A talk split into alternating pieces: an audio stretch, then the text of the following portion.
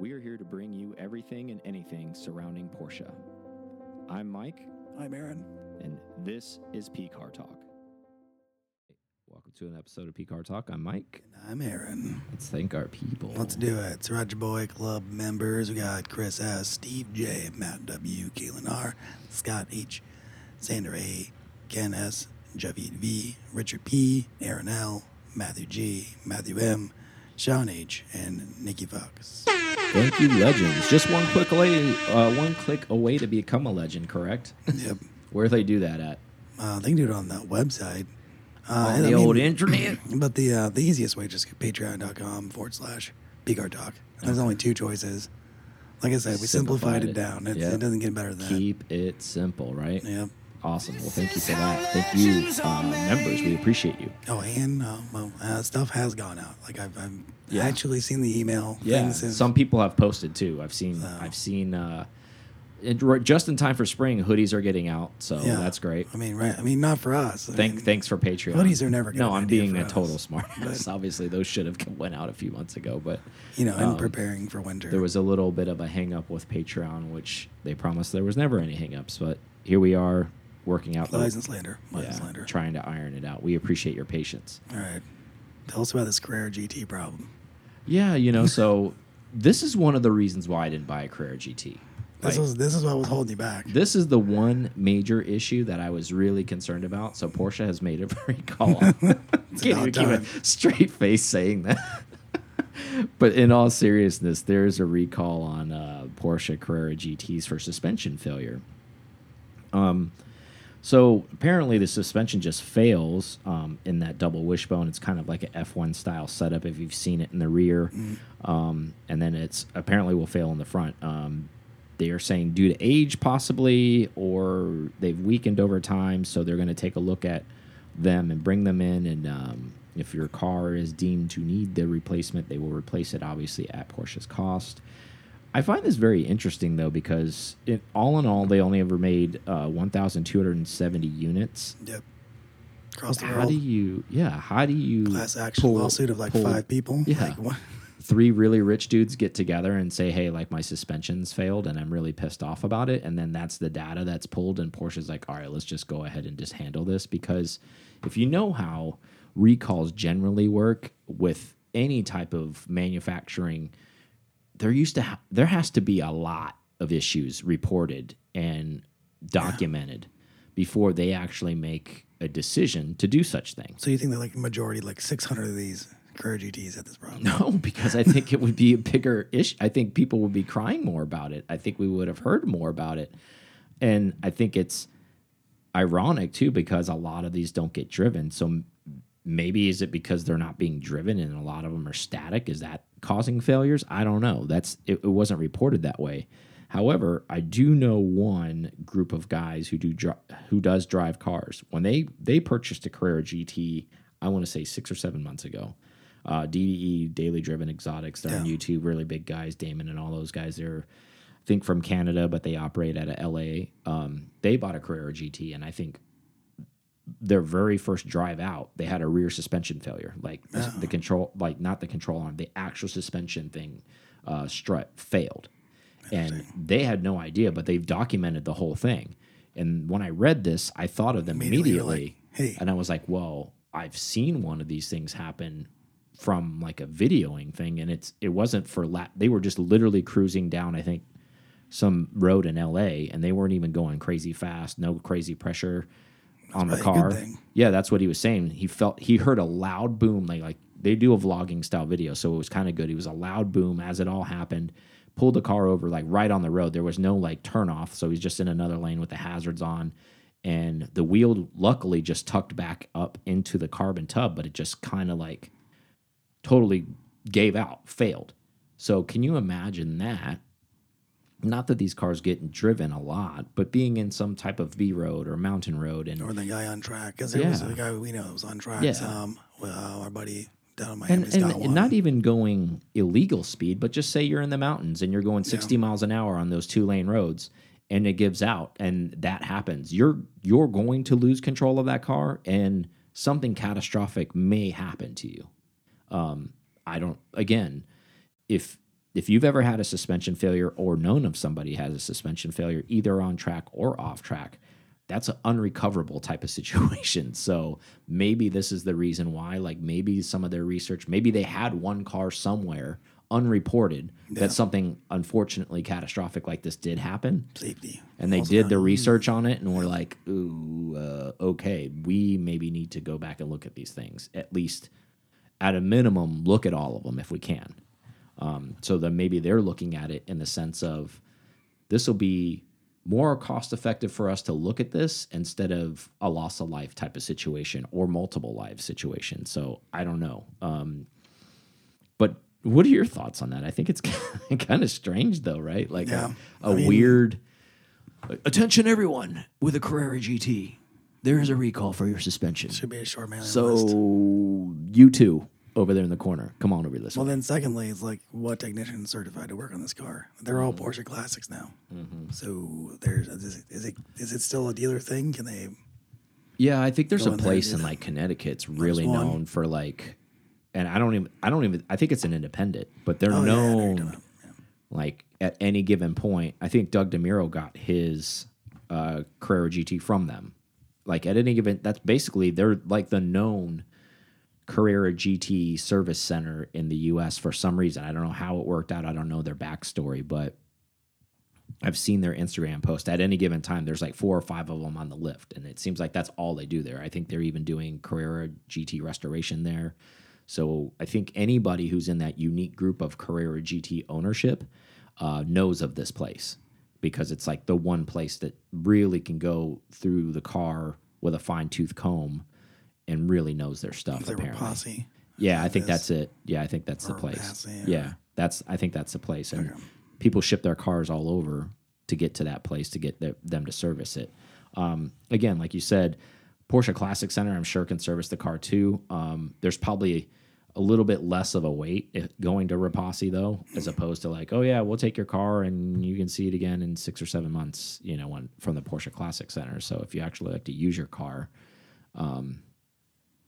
plus I, I I'm thinking from an independent standpoint. I, you use an independent, I do too. I know there's a lot of people when their car's obviously CPO'd, you're going to go to the factory. But I feel like once the car's outside of CPO, I feel like Porsche people in general like to go to like a, a trusted independent. Do you get that vibe as well? Like I feel Yeah, like there's I a lot more people like saying like, okay, not even as new as um, not as old, excuse me, as like a 997, but just like a 991, for example, that's out of CPO. They're going to take it to an independent, right? They're going to say, mm-hmm. okay, my 991 GT3, I'll just get it serviced at a like Chris Olson's basically. Yep. You know, it's out of CPO. I mean, minus his engine, but he's like, okay, I'm going to take it and just have it serviced here. I can see that. I mean, it's just easier a lot of times versus trying to get on the schedule of a dealer. Yeah, because even like a lot of them are like, oh, we're we're two weeks out or we're whatever, right? Like so, turning away the work unless it's something major, and maybe it also like a little bit more savvy as far as shopping with the price, right? Like because independents are a little bit cheaper, not necessarily all of them, but maybe some of them are. And trustworthiness, there's normally a relationship built there between your independent versus the dealer a lot of times. And there's probably a lot less, at least mm. from my experience. I mean, I'm not going to the dealer a lot, but like once you lock in an independent that you really trust that you mentioned, there's not a lot of ton- turnover in personnel there too, right? So you go there and you say, "Hey, I know you. You did this to my car." okay, you could see the guy's face and you're like a point. It's like, "What did you do?" you know, type of situation. Or, "Hey, you did this to my car. It drove great. Thank you." Good job. Right? We don't tell him that though. Yeah. Keep them in the dark, right? Bring in the negative. So, Porsche says it's going to be another five years at least before they make another hypercar or halo car. Their reasoning behind this now is they're waiting for next generation battery technology to be sound before they clearly make another vehicle. So, let's bought- dive into this for I a little bit they because bought every battery manufacturer. yeah, slash and they're developing like- silicone batteries. So there's there's a lot of places saying that Porsche and I think Land Rover has also done the same thing, has invested in in silicone batteries. So where where they're kind of they're saying that they're going to be able to figure out how to get 40 more percent range out of the cars, out of the batteries, and it's going to lighten up the batteries. That's neither here nor there. That's not finished yet. That's in process. Um, so, do you think that you made a good comment um, before we started this when you were reading that topic that you're saying like they're just basically showing their cards to be their their hypercar is going to be a full EV. Yeah, is that what you're thinking? That's what I think. That, that gives them enough time to build it. Well, they've already they've they've already have whatever chassis has already been mm-hmm. built. It's probably ten years old by the time we see it. Yeah. in development as far as drawings and then what it's going to look like. And they're just probably waiting on power plant. But I don't know. I I wonder what they have in it now because they still have to, to test it, aero test, all that stuff. Which is strange though because they've partnered with Rimac, Yeah, and Rimac makes a 1500 horsepower EV car. but maybe like- they're not getting the range out of that. that yeah, but I just like I'm wondering like what. Or is this another play on cards because of the ice thing that we talked about last week Yeah. with the e fuels? And are they are they saying maybe it's too soon because we didn't? Is that going to be a win? Is e fuels going to be a thing? Let's give it another five years to see if we can get e fuels into ga gas stations and get people pumping this stuff more regularly. And can we develop more gallons and liters of this stuff? And then maybe at that point, do they go full retro like they were talking about before and full combustion, no no hybrid, no nothing system, maybe even go uh, manual transmission car, paying like homage to old school type stuff.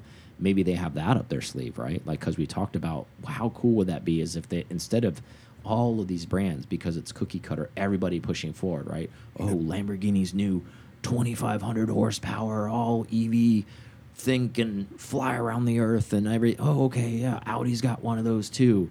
Yeah, BMW's got one coming. Oh, Bentley's got one. Bugatti's got one. Instead of like yeah. being part of that whole train of EV halo type cars, maybe take a page out of we talked about keeping it simple. Just develop something that no one else is doing at the moment. So I got some more stuff on the e-fuels. Uh, so one of our listeners, Dennis, reached out to us, and I don't know what he does. I assume he's an engineer. Mm-hmm. So e-fuels, the E stands for electrolysis. That's what it's for. Uh huh. So it's an electrolysis, electrolysis process with water combining with hydrogen and harvested from the splitting the water molecules, combines it with the CO2. So that's what the E stands for. Is electrolysis, like like I said before. Got it. So, and then it comes from renewable electricity to power the electrolysis process. So the components of H2 and CO2 are then used to create synthetic me- methanol. This methanol is then put through the Exxon and Mobil methanol to gasoline process. So I guess there's some proprietary mm-hmm. Exxon and Mobil process that it goes through. Then it creates the actual gasoline fuel. They they haven't said like what the heating value is yet, so they don't, don't know what it burns at. But they assume it's going to be the same as normal gasoline if it's going to burn in a normal motor. The interesting part is that Porsche has announced, apparently I haven't seen it, um, but they're going to build an e-fuel refinery in Bay City, Texas. Really? Yep, starts construction in 2024, and they plan to be done with it by 2027. And then it's going to produce about 200 million gallons per year of e-fuel. That's good news. That's in the U.S. They expect it to be about nine to ten dollars a gallon. I'm okay with that, man. So, the more we know. And that big brain on uh, Dennis, you said? Yeah, Dennis, old Dennis Schmidt. Thank you for that, Dennis. Uh, we appreciate that you chiming in, and we love that interaction. Thank you for the information. Um, if you know Dennis, thank him in person for us because that's a that's actually very powerful information. I thank Yeah. you for that um, information we did not know. Um, man, that's awesome. That's great news, man. Yeah, Texas too. Yeah. Well, Mel be I putting mean- the Minerva Blue back here, or the Yeah. uh, whatever, uh, whatever, I mean, blue.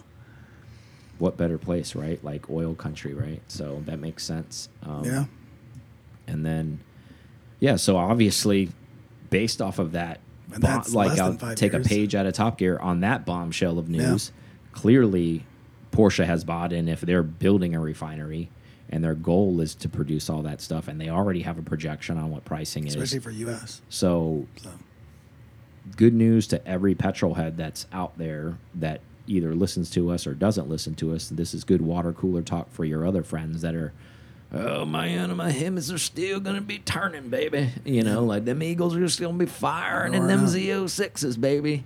Um, but this is a positive, very, very positive thing. So, circling back to the topic we were talking about, maybe yep. Porsche goes retro because if if you if you're allowed to produce combustion engine cars still, and you're a sports car brand, um, I would put even, you know, Chevy, General Motors, so the Kentucky plant would still make Corvettes. So these are all wins for all these combustions, even though the E-Rays out there and all this other stuff. Yeah. Again, this may just be a blip in the history line of, oh, remember this period of time where we made hybrid sports cars because the 911's already announced that it's coming hybrid as well. But mm-hmm. maybe the full combustion side of that car doesn't die at some point if you want to elect to have that because if you're leaving a carbon neutral footprint, why couldn't you just eliminate the hybrid and just make a full combustion car at that point? Yep, and go back to normal. Tooling still yeah, the same. and even if it's at a limited run, even if you can only make maybe five thousand units of total combustion engine with no hybrid assist on it, that's still a win, because then Yeah. you can you can it almost in a way if you think about it this way from a manufacturing standpoint, if they got put like a number on their, their cars, right?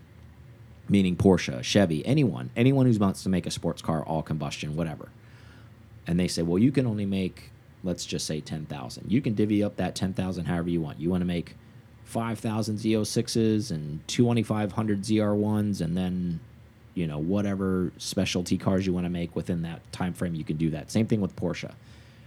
That would actually make, it would give them a cop out in a way, right? Where they're saying, well, government mandated, I have to make all my normal 911s this, and I'm going to make all my specialty 911s and all my specialty Yeah. motorsport cards this. And then we can really see some ADM and some real pricing where people are going to be killing each other in the streets to get allocations, right? I will murder you for that plus $500,000 on that oh, car. Oh, I'm sure. will pay it. I would pay it. you know what I mean? Like nuts, nutso people like that. Um, They give you perspective on that fuel. Like we normally make 134 billion gallons a year for the U.S. Yeah. so that's a draw. So it'll be a small. well, it has to start somewhere. Yeah, I mean, like anything, like we've talked about this before, and I don't want to sound like I'm repeating myself too much But he here.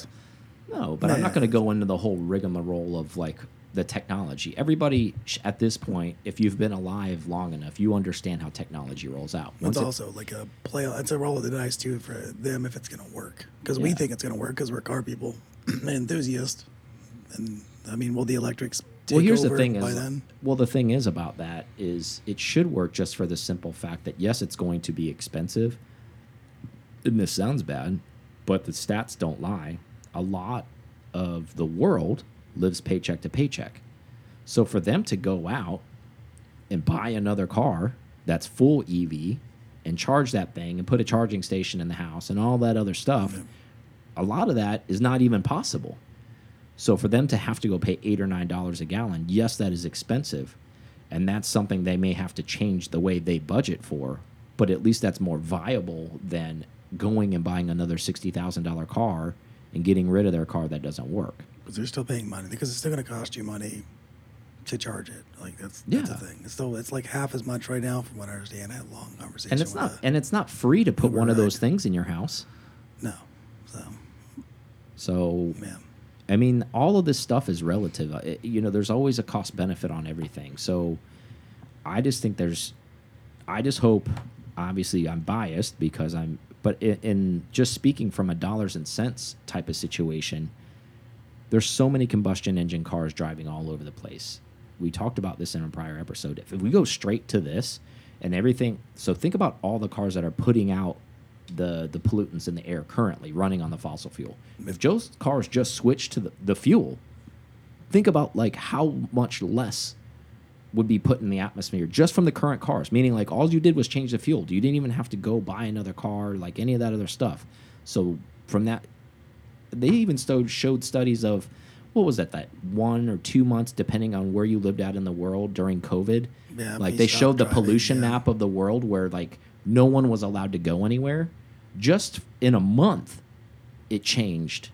Like what they're like wow look at the less pollutant levels. Look at the the skies here are clear. So and that's just from not driving those vehicles. So but it's the same kind of concept in a way. Yeah, if you is. take those cars and they're not putting those pollutants out there even though they're driving it's going to be the same effect right i mean not a scientist but I'm enough to be dangerous, right? So 4.6 metric tons of carbon dioxide per year. That's All a lot, saved. dude. Yeah. So that's a big win. But anyways, like let's talk about this topic real fast. Do you think that they want to do battery technology? And this is kind of of a shot at Porsche from the racing standpoint. Let's remember the 963 is a hybrid. It's running a battery. Since that car is getting its ass kicked, are they pretty much like, hey, our battery technology is not what we thought it was? Yeah, maybe not. so they're like, we need to wait five more years because this silicone stuff, we have seen what's going on out there right now, and we are not winning with our battery. I wonder how much more powerful they want to make it. Well, um, they're probably trying to more. I don't even know be powerful or range. I think they're fighting weight. I don't think I don't think their hypercar is going to feel like a hypercar if it weighs seven thousand pounds. That's a good point. But the other brands are doing the same thing and they're using known technology. So they're not reinventing the wheel and they're coming out with full EV hyper cars. I'm, I'm sure the, the Rimac full hyper car is not a light Maybe they just beast. want to light. Maybe just want to light the world on fire with it, whatever they come out with. Yeah, I guess. I mean, I know Porsche is striving for excellence with that. I, I just was poking a joke just because the lack Yeah. of success with the 963. That's true. And and that car is running battery technology, a hybrid system. So they're kind of like, man, eh, maybe we don't have this locked in like we thought we did. Yeah, Um, 918's not doing it for them. Which is a kind of shocking though, right? Because they've invested in a lot of brands with battery technology. Rimac One, the, uh, the Silicon Valley place that's developing batteries. Uh, there's tons of tons of other energy stuff that they diversify their portfolio. They have five different hypercars right now that they don't like. Oh yeah, well, you know, and another thing with that too is maybe the direction of upper management that changes around. If you have, if you've noticed recently, there has been some shifting up in their in their Yeah. executive management type of region. Like some people have taken over other divisions and things like that. And as you know, somebody comes in, whatever was whatever was yeah. working out, you just file thirteen that we're starting from scratch. That guy's gone for a reason. We're we're doing my plan now Yeah. right? So um, that could be a little bit of that too. I don't know. Um, I think it's interesting that they've made a statement. Maybe they just want to put that thing to bed for all of the journalists and all the skeptics out there to say, when is another car coming from you? When are you making another hypercar? When is Porsche doing this?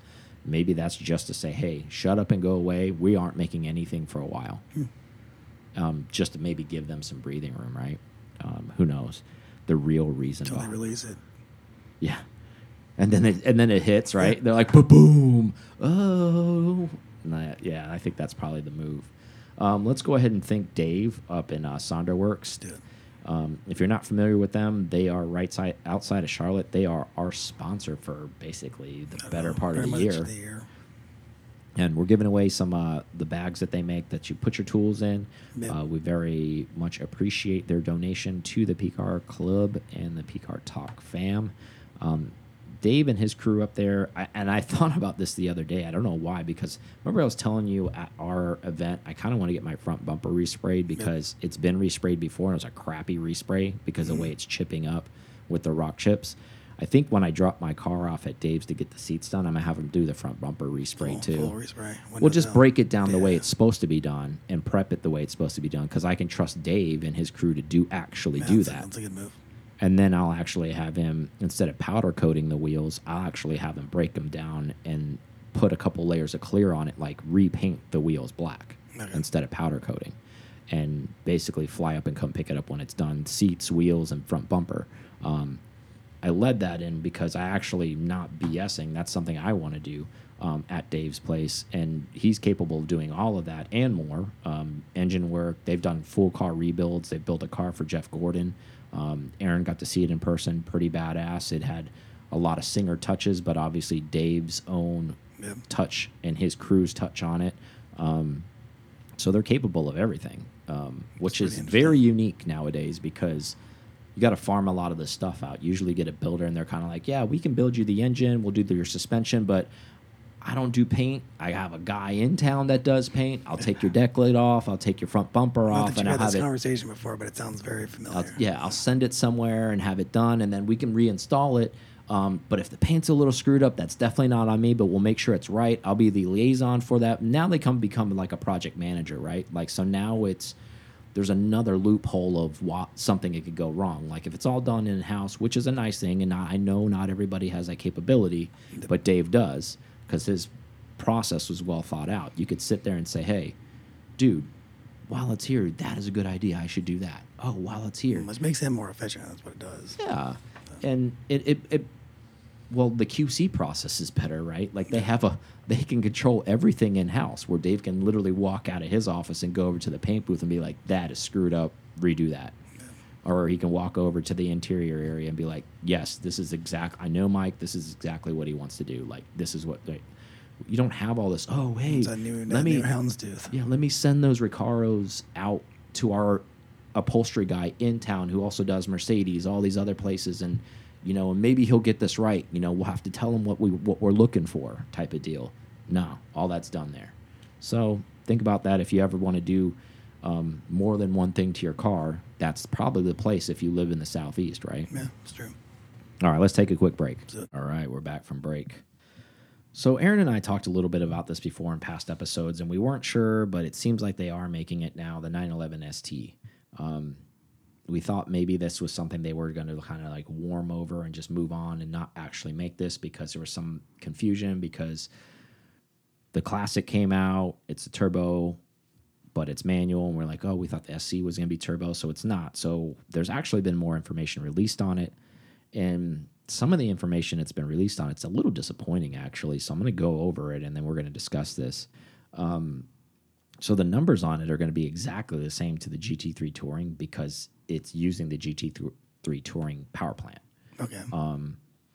it's from reports they think this is going to be pdk only car actually which is odd because nst is an homage back to race car stuff and that was manual back in the day when the st Yeah. came out if you know the st story i'm not going to go back into it i've talked to it before so this is part of the heritage line so the st is going to be made because Porsche is doing this whole heritage package. So the thoughts behind this is this is basically just going to be an appearance package essentially. For the touring.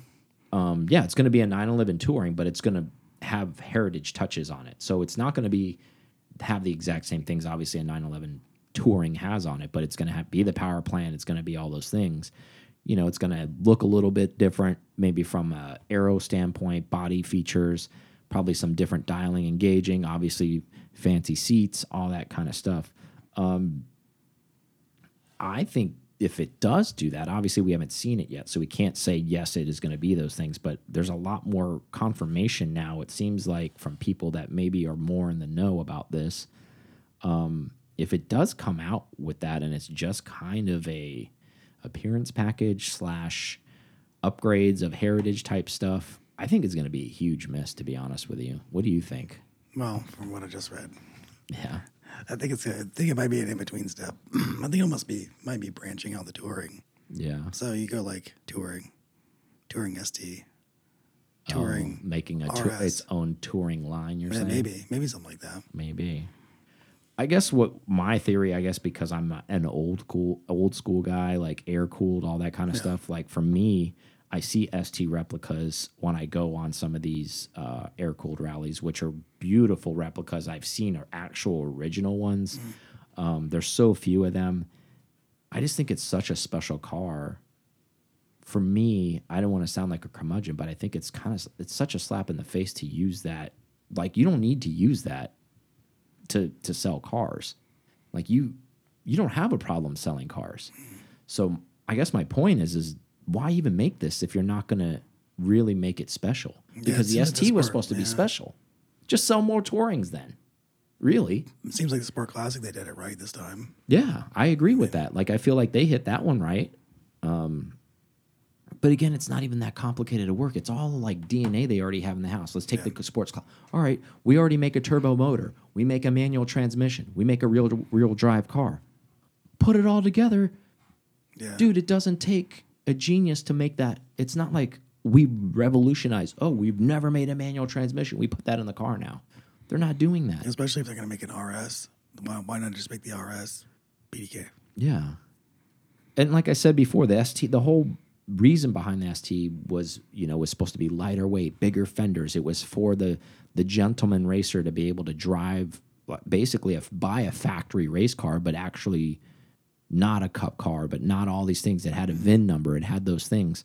Like I was hoping this would be that. I obviously I you can't sell RSR flares on this, or maybe you could. Um, I don't know, but like I know you and I joked around about it. It's like kind of like, man, how accentuated the Dakar flares are on. Like hopefully the ST gets some kind of that treatment like that and just gets something to fill in that wheel from a motorsporty type of way. If they don't do that, in my opinion, they totally screwed that up. They totally messed up the heritage of that line, in my opinion. And it's, I don't know. Maybe they don't think it's that special, and we think it's special, but yeah, maybe so. But I don't see how they wouldn't because they've never done it. It's almost like the 911R. Like they did the 911R, right? Like when they brought it back Yep.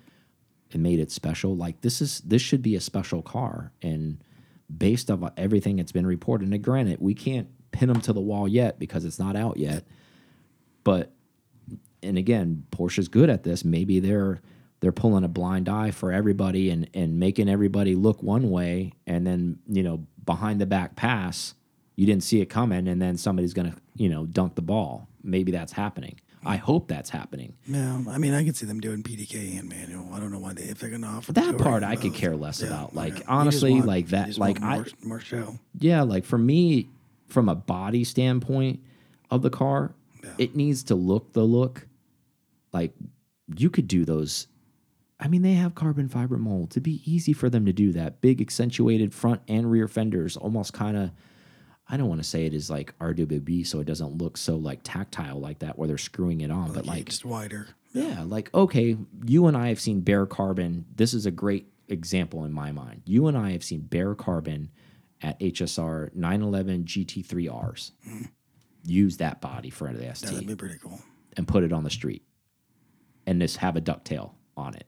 No huge wing, but those huge ass fenders like that center, and then uh, center bolts in them, and like ready to go. Center locks, excuse me, ready to go on them, and tell me that wouldn't that would be a game changer. Be like, yep, that's an SC, uh, ST. That's what an ST should look like because Race car, race car, race car. well, think about it. The G- the 911 GT3R is for the I would say you call them gentlemen racers, like people, level, yeah, yeah. people like Wrights Motorsports. Those those are gentlemen racers. Yes, they're wealthy, but they that's what we are now at, like Yeah. gentlemen's racers. That's what that's considered. They're amateurs, but they're racing with the pros and those types of th- situations.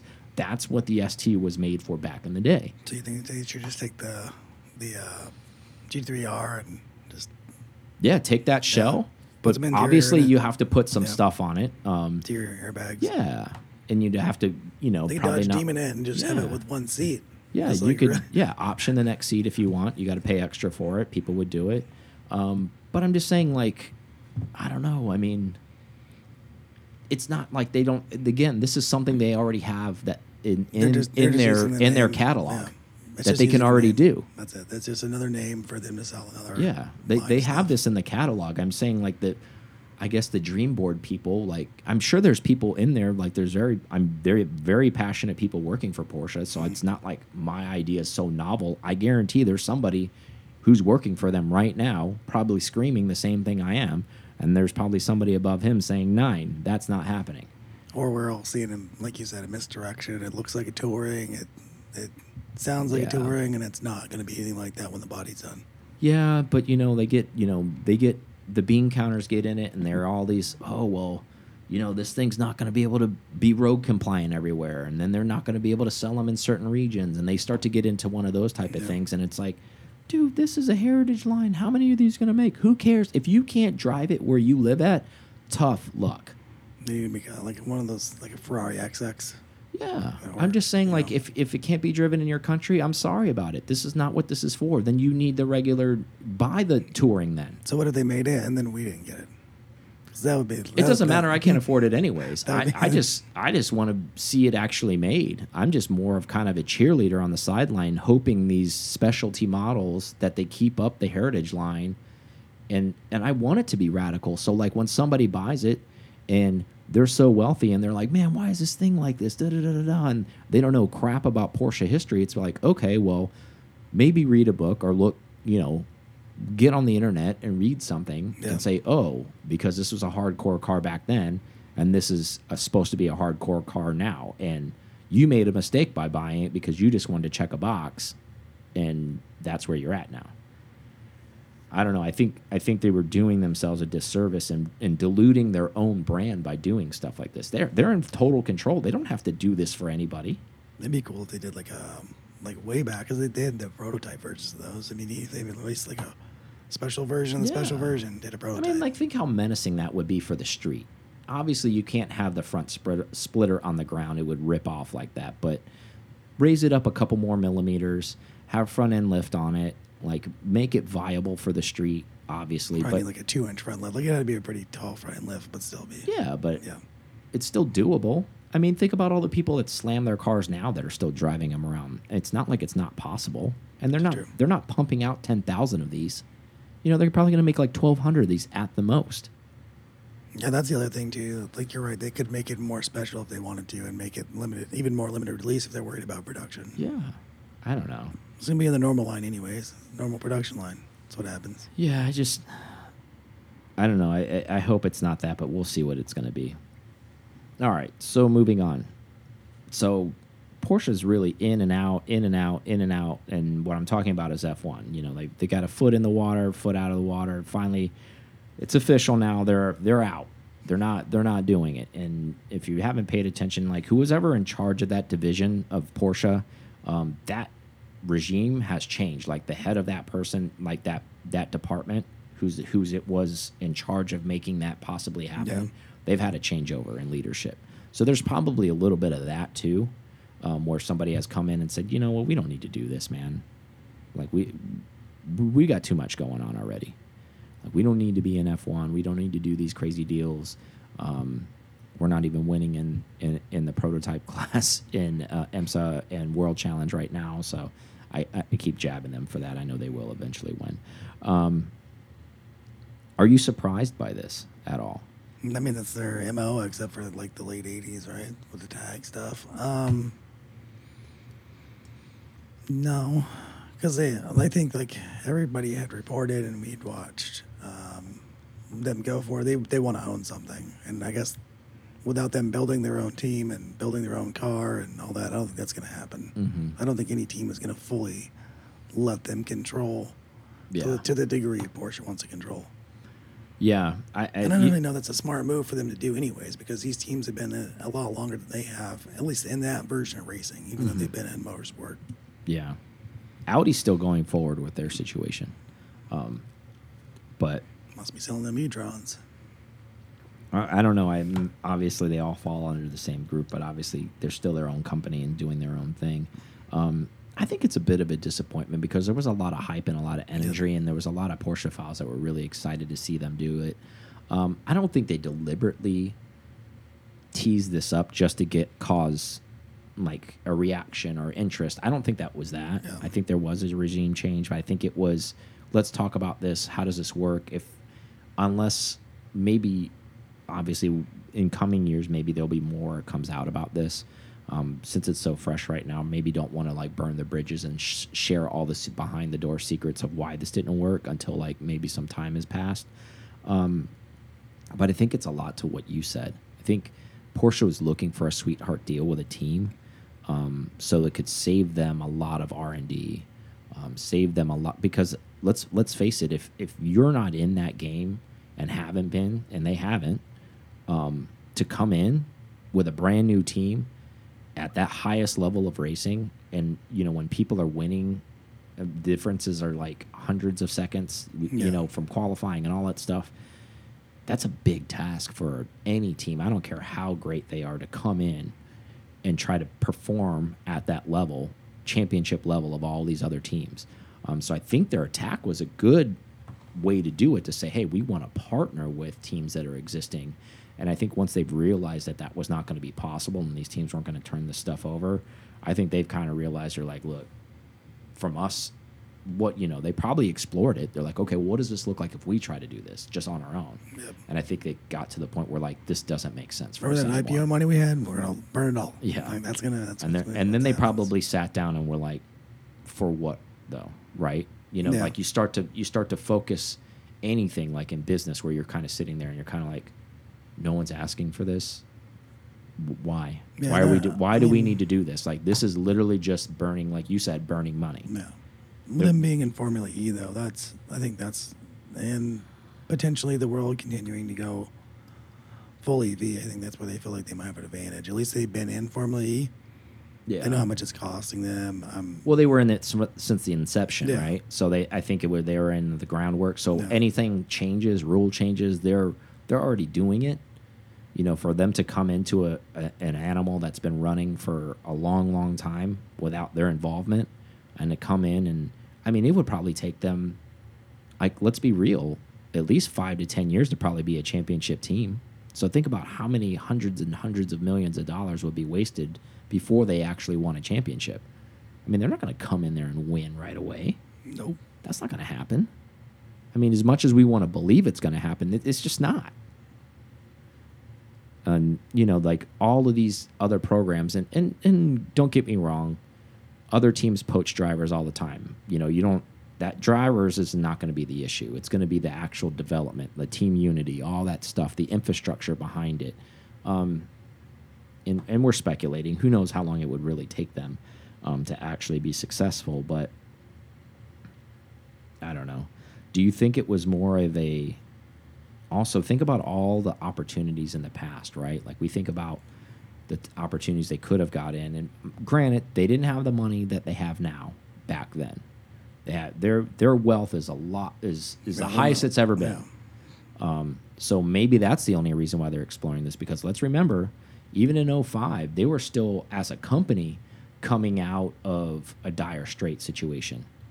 You know, the Cayenne, the Boxster, Yep. those cars pulled them out of a bad spot in the late 90s.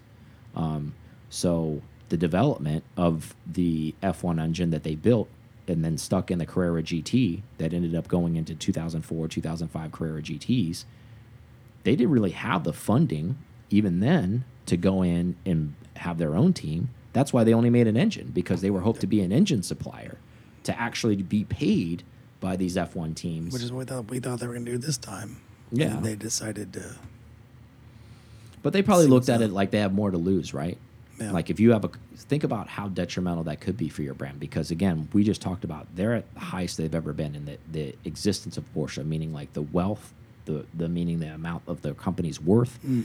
Um, you come in and everybody's putting you on this pedestal and say we talked about this before, your engine starts to blow up. Oh, it's these Porsche engines and these Red Bull cars, they're dying. Like this this was a this used to be a championship team when they were running Hondas. Now we're running Porsche engines and we can't even finish races. We can't even do this. Now everything's pointing back. Now there's a scapegoat, right, for the team. The engine's the problem. Um, so, I mean, look at Ferrari right now. yeah. Not so good. So it's it it's a tricky thing if you're an engine supplier, right? Like if you do that kind of stuff. Um, it's interesting too because I mean we Honda's they been have, I mean, the second thing is like, do they have time for that? Like, as much as they've scaled for all this other stuff, do you think they really have time to I, when they it? when they talked about it before, I didn't think they did. When they were talking about obviously running these prototype cars that they're focusing on, I I think they already have their hands too full. Like, why would you be racing on so many different fronts? Like, they don't seem like that kind of company where they want to spend that kind of money. They just don't sh strike me as that. Yeah. On a on a tidbit before we close, I think it's unique. Obviously, it's not Porsche related. Um, since we're on the F1 topic, this is why I'm going to segue with it a little bit. I mean, Honda's been in F1 for a long time. We know that, like Yeah. long, long time.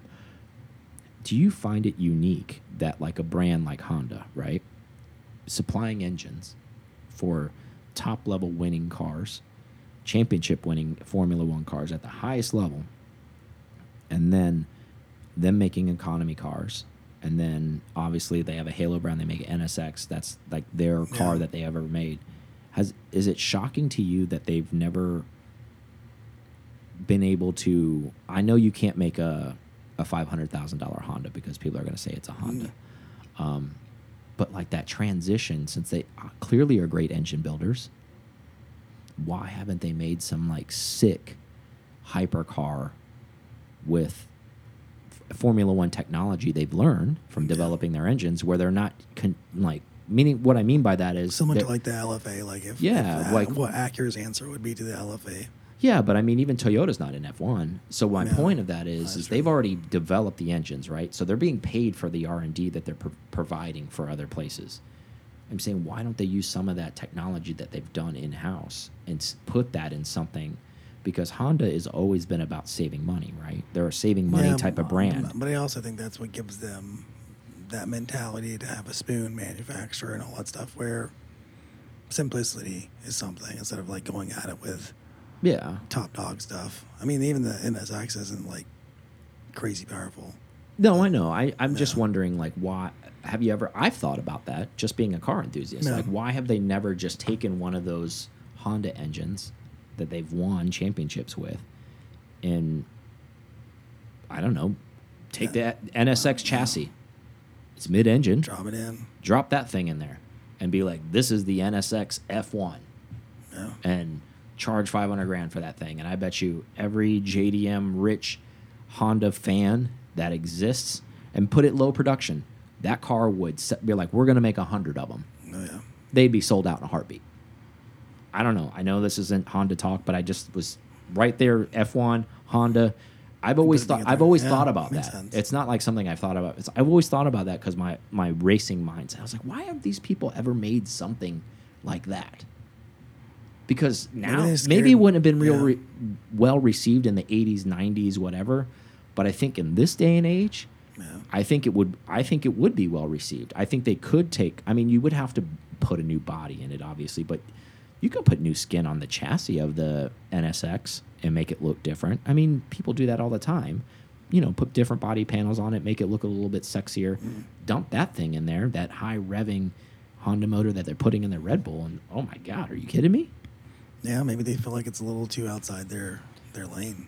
Yeah, I mean, who knows why? But I'm just saying it would be neat, right? Like, obviously, wouldn't it wouldn't be Mike's new project car, NSX Obvious- F1 motor. I'm just saying it would be an interesting thing. Um, but anyways, well, I digress. Um, I don't have anything else for him. Do you have anything else? Nope, I don't. Not All- one thing. All right, we'll see you guys on the next one. See ya. Thank you so much for listening to this episode of PCAR Talk. Connect with us on Instagram at PCAR Talk or online at PCARTalk.com.